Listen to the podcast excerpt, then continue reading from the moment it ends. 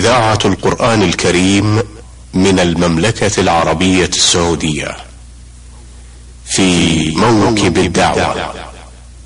إعداد وتقديم محمد بن عبد الله المشوح.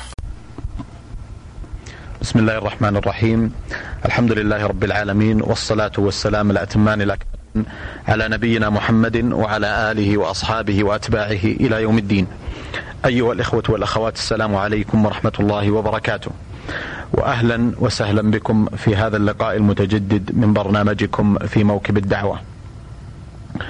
يسرنا أيها الإخوة المستمعون الكرام أن يكون ضيفنا في هذا اللقاء أحد علمائنا البارزين.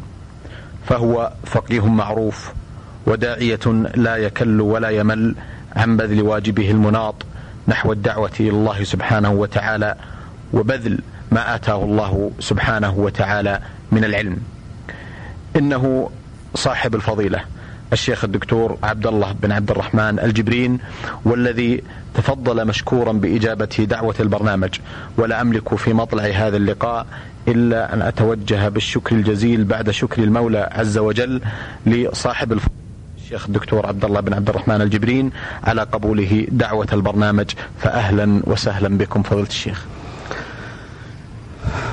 وعليكم السلام ورحمة الله وبركاته. وأهلا وسهلا بكم. ونحن مستعدون إن شاء الله لما يتطلب هذا اللقاء. وكذلك للإجابة على الأسئلة التي تصل إليها معلوماتنا. شكر الله لكم. فضيلة الشيخ في الحقيقة أن أننا اعتدنا في مطلع كل لقاء من هذه اللقاءات مع أصحاب الفضيلة. أن نستمع ولو قليلا إلى بعض التاريخ الأول للضيف الكريم. هل من الممكن أن نستمع من قبلكم إلى المولد والنشأة؟ أين كانت لكم؟ حفظكم الله. نعم. المولد في إحدى قرى الكويعية في قرية محيرقة وهي بلد الأخوال والأجداد وتبعد عن عاصمة الكويعية نحو خمس وعشرين كيلو. كان المولد في حدود الخمسين وثلاثمائة وألف والنشأة أولها متردد بين بلدة الرين وقرية محيرقة حيث نقيم ها هنا وها هنا ولكن أكثر الإقامة كان في قرية الرين حيث كان الوالد هناك انتقل في سنة الخمسين أو بعدها بسنة. واستقر هناك كإمام وخطيب في المسجد الكبير الذي في عاصمة قرى الرين وحيث كان هناك أيضا القاضي المشهور عبد العزيز بن محمد الشاثري أو حبيب رحمه الله فإنه كان هو الذي رغبه في الانتقال والاستقرار هناك. وقد استقر الوالد هناك إلى حدود سنة خمس وثمانين حيث انتقل إلى الرياض ونحن انتقلنا أيضا إلى الرياض في سنة أربع وسبعين وإلى الآن ونحن في الرياض. ولا ننقطع عن تلك القرى لزيارة الأقارب هناك.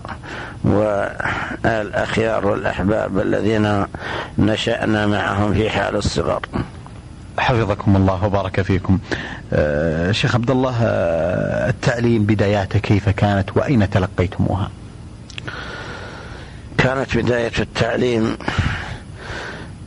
بواسطة الوالد رحمه الله الذي علمنا مبادئ الحروف والقراءة حفظا ونظرا إلى نحو ربع القرآن أو قريب منه وكذلك العم الذي هو سعد بن عبد الله الجبرين رحمه الله الذي هو إمام وخطيب قرية محيرقة فقد كان له أيضا تعليم للأولاد هناك في تلك القرية؟ بذل فيه جهدا إلى أن توفي رحمه الله وهو على هذا التعليم. وكذلك أيضا تعلمنا على قاضي الرين الذي هو عبد العزيز الشذري رحمه الله مبادئ العلوم. وقرأنا عليه أيضا كثيرا من الكتب متونا ومختصرات وشروحا وانشرح لنا رحمه الله في إقامتنا هناك من حدود سبع وستين إلى سنة أربع وسبعين حيث انتقلنا معه إلى الرياض. للانتظام في معهد إمام الدعوة الذي فتح في تلك السنة واستمرت الدرس فيه إلى نهاية المرحلة الجامعية في سنة إحدى وثمانين. أحسنتم وأثابكم الله. فضلت الشيخ الحقيقة أثناء ذكركم للمشايخ في بداية الطلب ذكرتم الشيخ عبد العزيز الشتري رحمه الله والمعروف بأبي حبيب. آه، ممكن آه، أجد أنها فرصة لتحدثونا عن هذا الشيخ رحمه الله وماذا كان يتصف به من صفات كانت سواء كانت علمية آه، أو أخلاقية. أيضا مواقفه في الدعوة إلى الله سبحانه وتعالى والأمر بالمعروف والنهي عن المنكر. أجد أنها فرصة لنستمع منكم وأنتم من أقرب الناس كنتم إليه عن بعض أخباره وأحواله. نعم. هو شيخنا الأول بعد الوالد رحمه الله وهو أيضا شيخ الوالد وشيخ كثير من زملائنا الذين قرأوا عليه. كان رحمه الله من أهل حوطة بني تميم. انتقل إلى الرياض في حدود سنة خمس وثلاثين كإمام ثم بقي كقاضي. حيث ألزمه الملك عبد العزيز رحمه الله بأن يتولى القضاء هناك ومع ذلك فإنه كان يتولى التعليم زيادة على القضاء فكانت مجالسه بعد المغرب كله وبعد الفجر وفي الضحى مجالس علم. يعلم فيها ويقرأ عليه وهكذا أيضا في المسجد بعد العصر. كان يقرأ عليه كثير من القراء في الكتب المطولة والكتب المختصرة وهكذا أحيانا يجلس بعد الظهر لقراءة بعض المتون عليه وبعض الشروح فيكون مجلسه غالبا مجلس علم. وأما أخلاقه رحمه الله فقد عرفنا منه حسن الخلق ولين الجانب وسهولة المظهر وكذلك أيضا عرف بالعلم الذي تلقاه عن مشايخه في الرياض وبالأخص في علم العقيدة علم التوحيد وعلم العقيدة.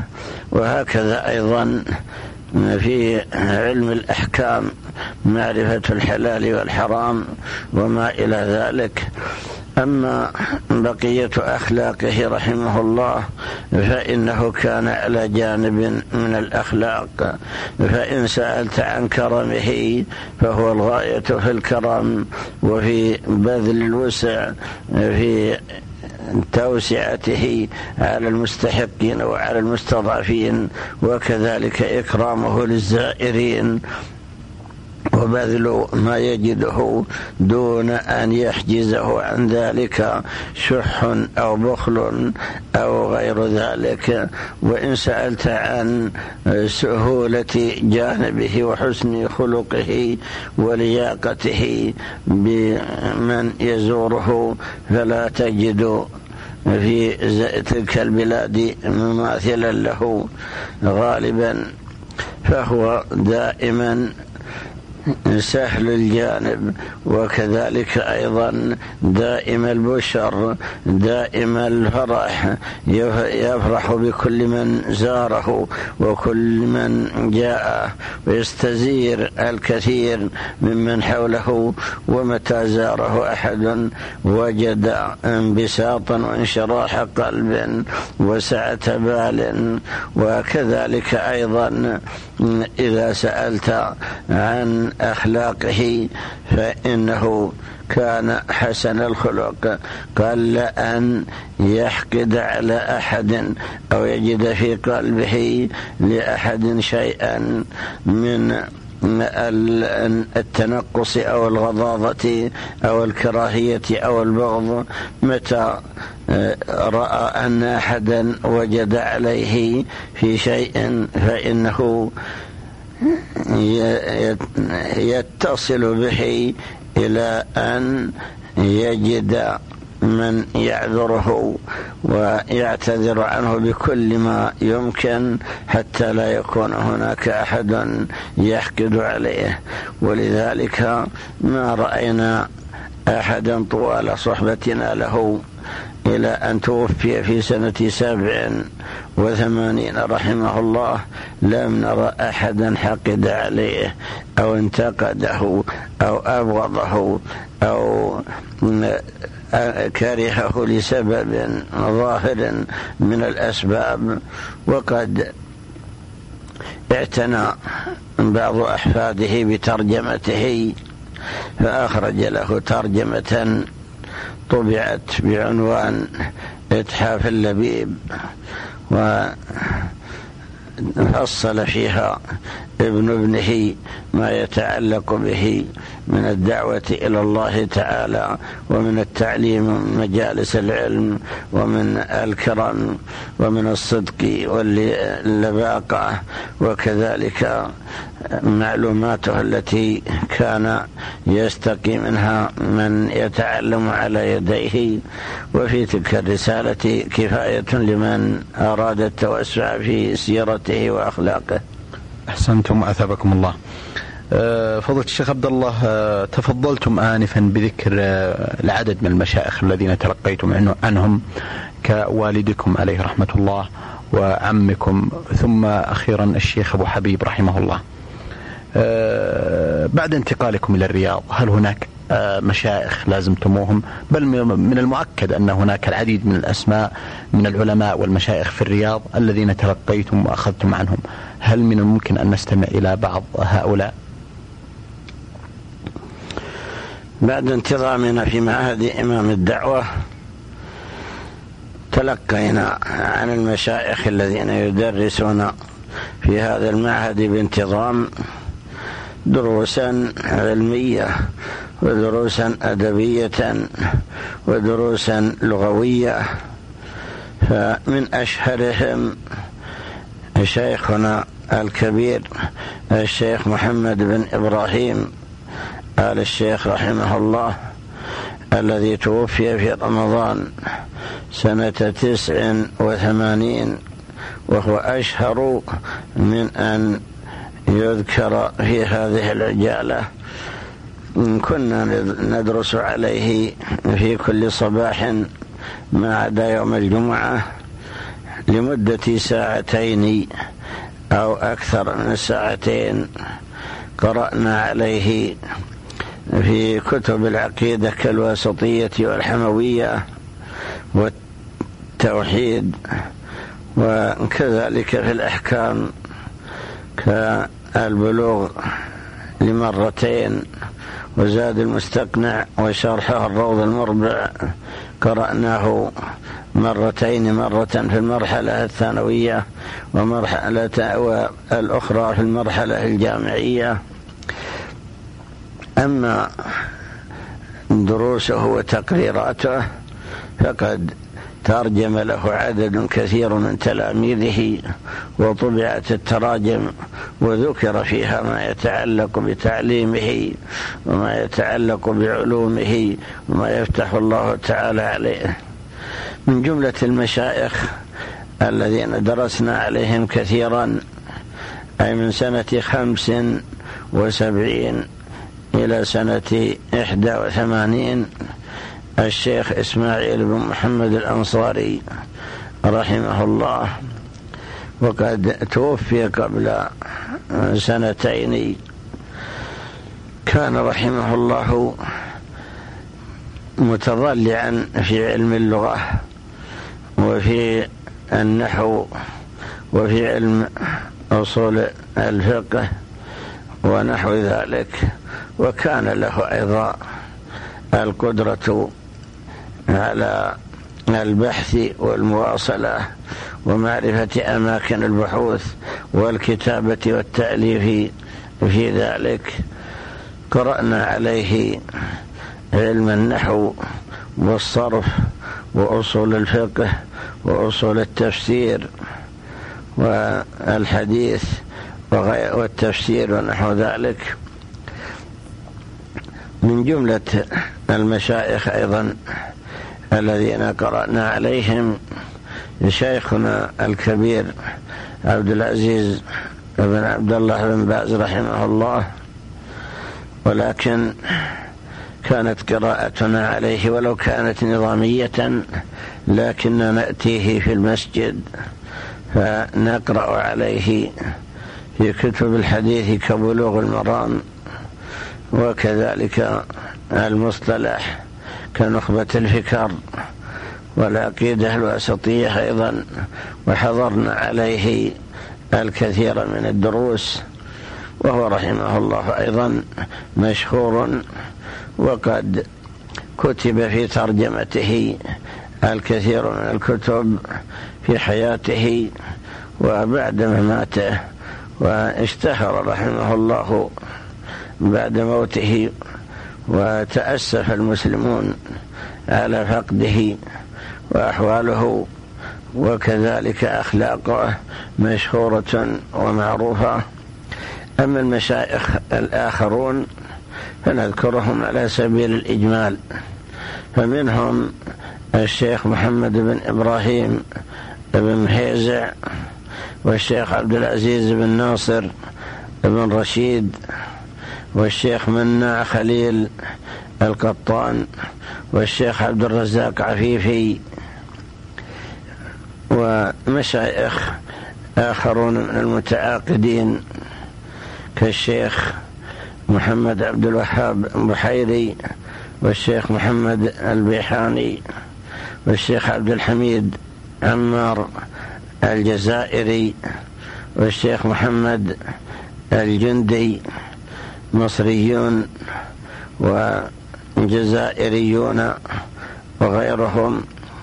كذلك أيضا استفدنا من مجالس كثير من المشايخ وكذلك من علماء هذه البلاد. مجالستهم مفيدة كثيرا.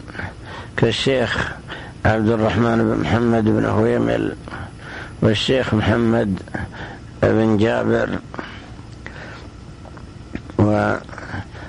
والشيخ إبراهيم بن عبد الله بن حرقان والشيخ محمد بن عباد وغيرهم من المشايخ الذين استفدنا من مجالستهم وتعرفنا على علومهم وأخلاقهم.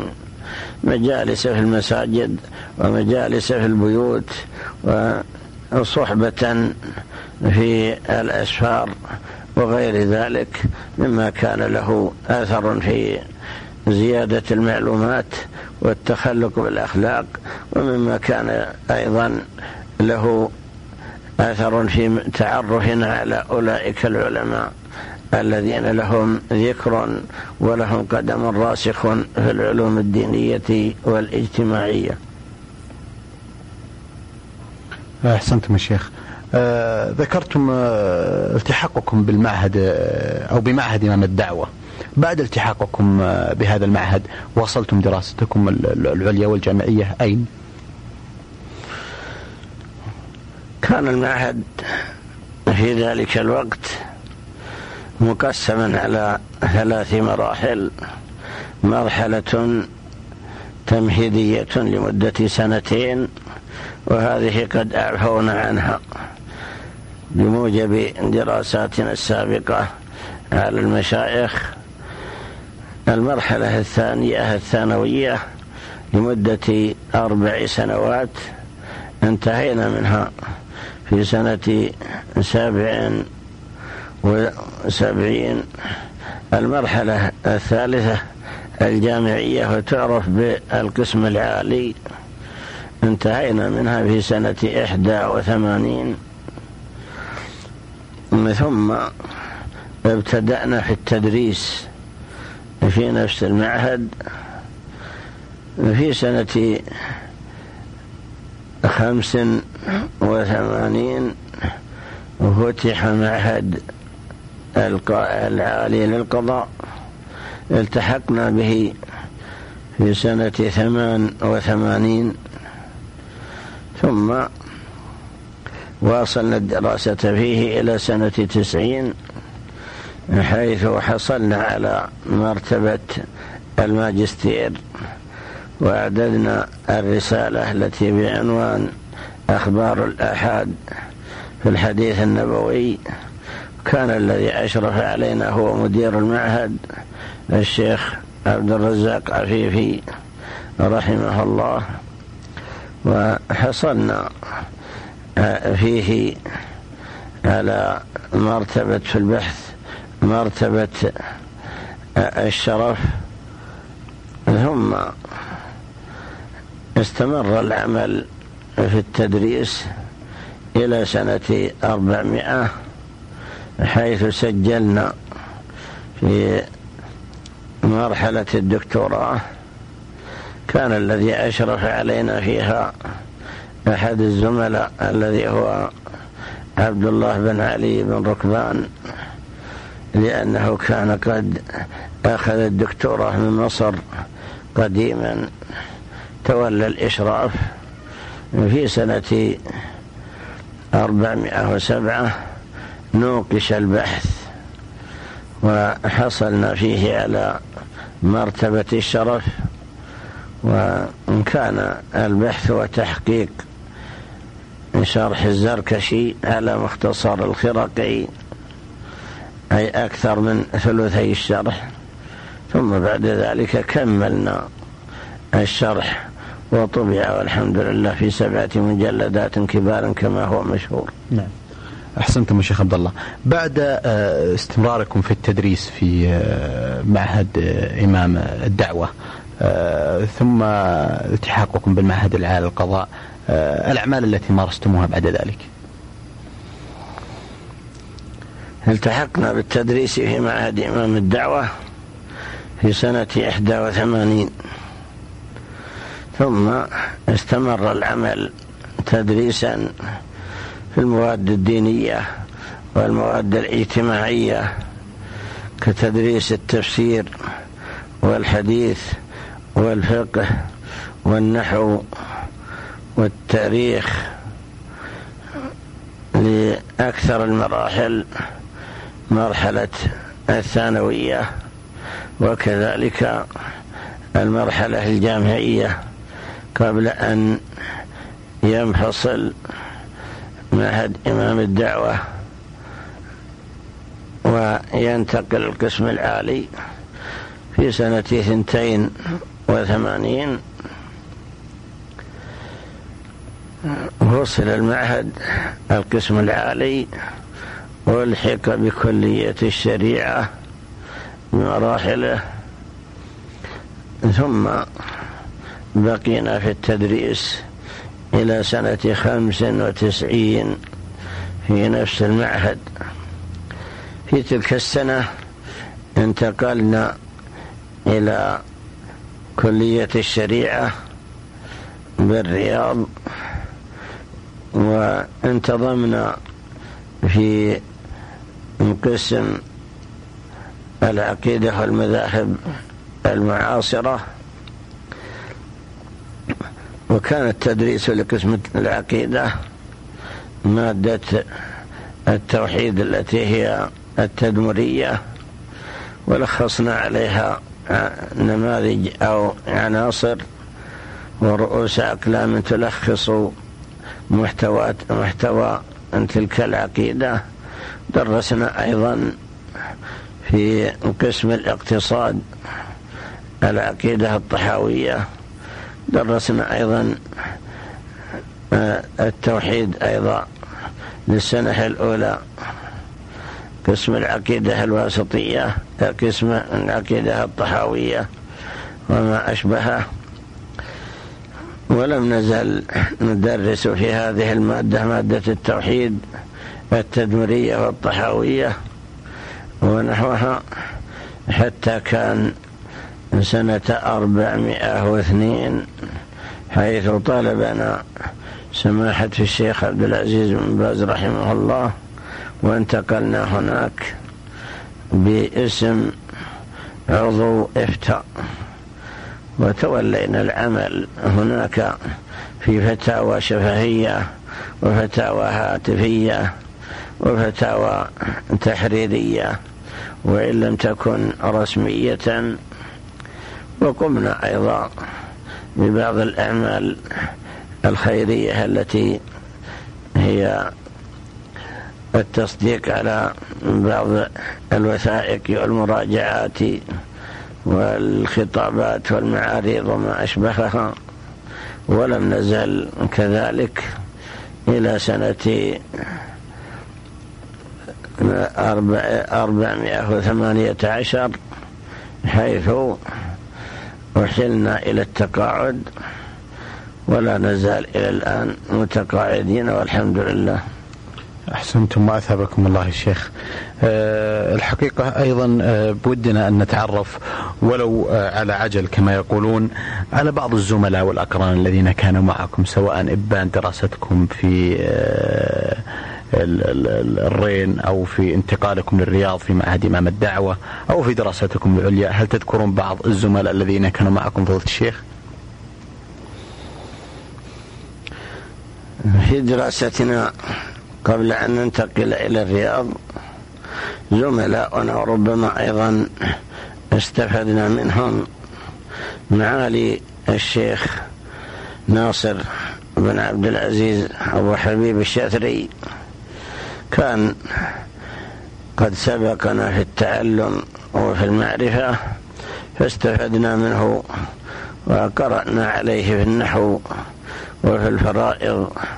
وكذلك أيضا كان زميلا لنا جنبا إلى جنب في دراستنا هناك.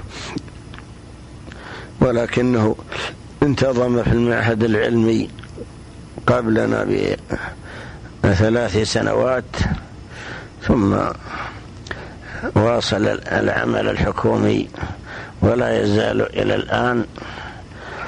كذلك من زملائنا هناك من هم على قيد الحياة مثل الشيخ محمد بن سعود الصبيحي. شفاه الله الآن. مقيما أو لا يزال مقيما هناك. والشيخ عبد الرحمن بن إبراهيم أبو عوف العريفي رحمه الله رحمه الله أكرم مثواه.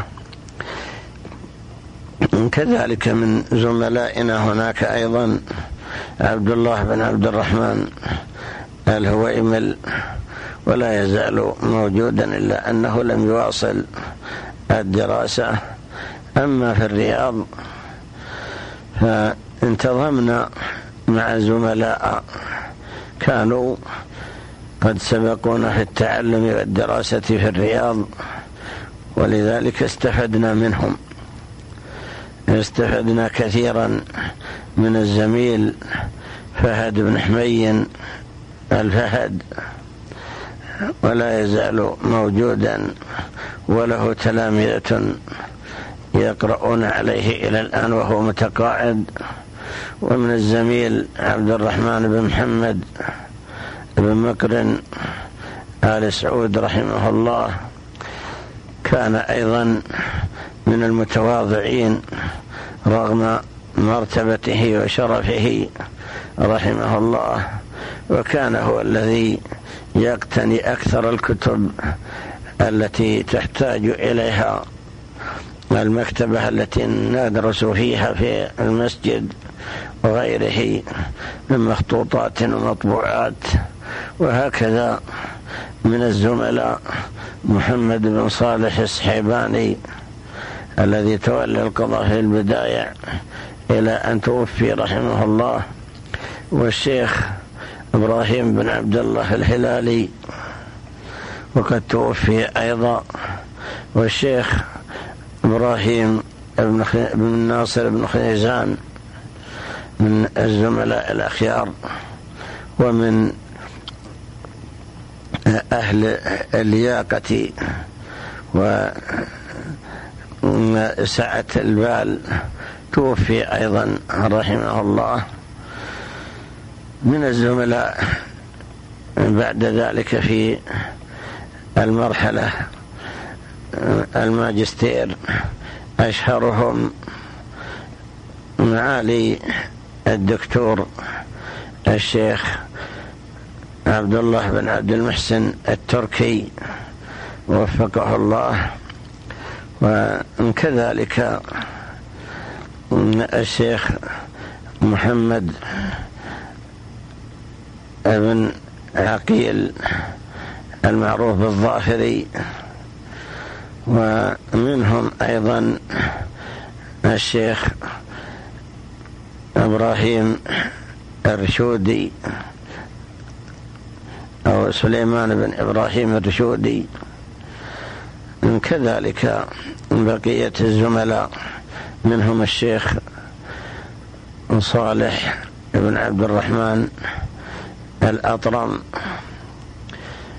هؤلاء أبرزهم هناك آخرون معروفون ومنهم من واصل ومنهم من لم يواصل. أما زملاؤنا في التدريس في معهد إمام الدعوة وكذلك أيضا في الكلية وهم كثيرون ومشهورون. منهم من هو باق ومنهم من توفي إلى رحمة الله تعالى فمنهم ناصر بن زهير رحمه الله قد توفي كان من الزملاء الأخيار الأحباب وريغ البصر والشيخ عبد الله الشعيبي وكذلك في معهد في الكلية أيضا نتذكر منهم الشيخ عبد الله بن حمد الخويطر والشيخ عبد الرحمن بن محمد بن سدحان والشيخ عبد العزيز بن عبد الله آل الشيخ ونحوهم من المشايخ المعروفين لا يزالون يزاولون الأمال أو أكثرهم وحيل إلى التقاعد نعم أثابكم الله وأحسنتم فضيلة الشيخ. أه صاحب الفضيلة الشيخ عبد الله بن عبد الرحمن الجبرين أستأذنكم في هذه اللحظات لأن نتوقف عند هذا الحد حيث أن وقت الحلقة لا أه يسعفنا بالمزيد أه من الحديث. لكنني أعد الإخوة والأخوات بإذن الله تعالى أن يكون لنا تواصل معكم في لقاء قادم بإذن الله تعالى لنواصل الحديث عن العديد من الجوانب المهمة في حياتكم وجهودكم ونشاطكم العلمي والدعوي وبعض الأسئلة المتعلقة بالدعوة إلى الله سبحانه وتعالى. أيها الإخوة والأخوات كان لقاؤنا مع صاحب الفضيلة الشيخ الدكتور عبد الله بن عبد الرحمن الجبرين في لقاء جديد من برنامجكم في موكب الدعوة. أشكر لفضيلته قبوله دعوة البرنامج وآمل أن يتجدد اللقاء وأنتم وفضيلته على خير والسلام عليكم ورحمة الله وبركاته. في موكب الدعوة إعداد وتقديم محمد بن عبد الله المشوح.